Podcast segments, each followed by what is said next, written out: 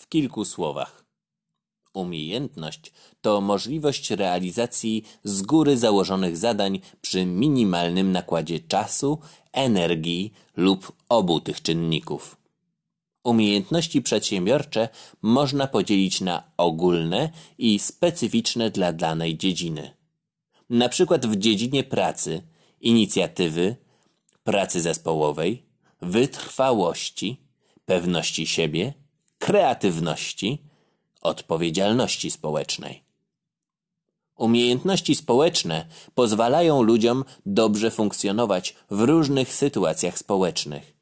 Obejmuje to relacje zawodowe, szkolne i interpersonalne.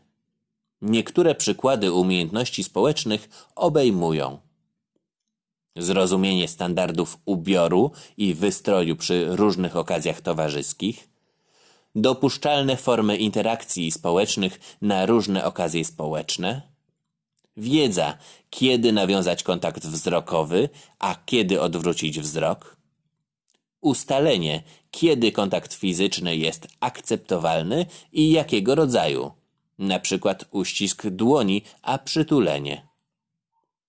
Zdolność grzecznego rozpoczynania i zatrzymywania rozmów zdolność do krótkiej rozmowy.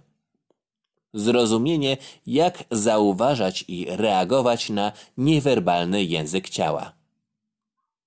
Docenianie niuansów społecznych, takich jak sarkazm i humor.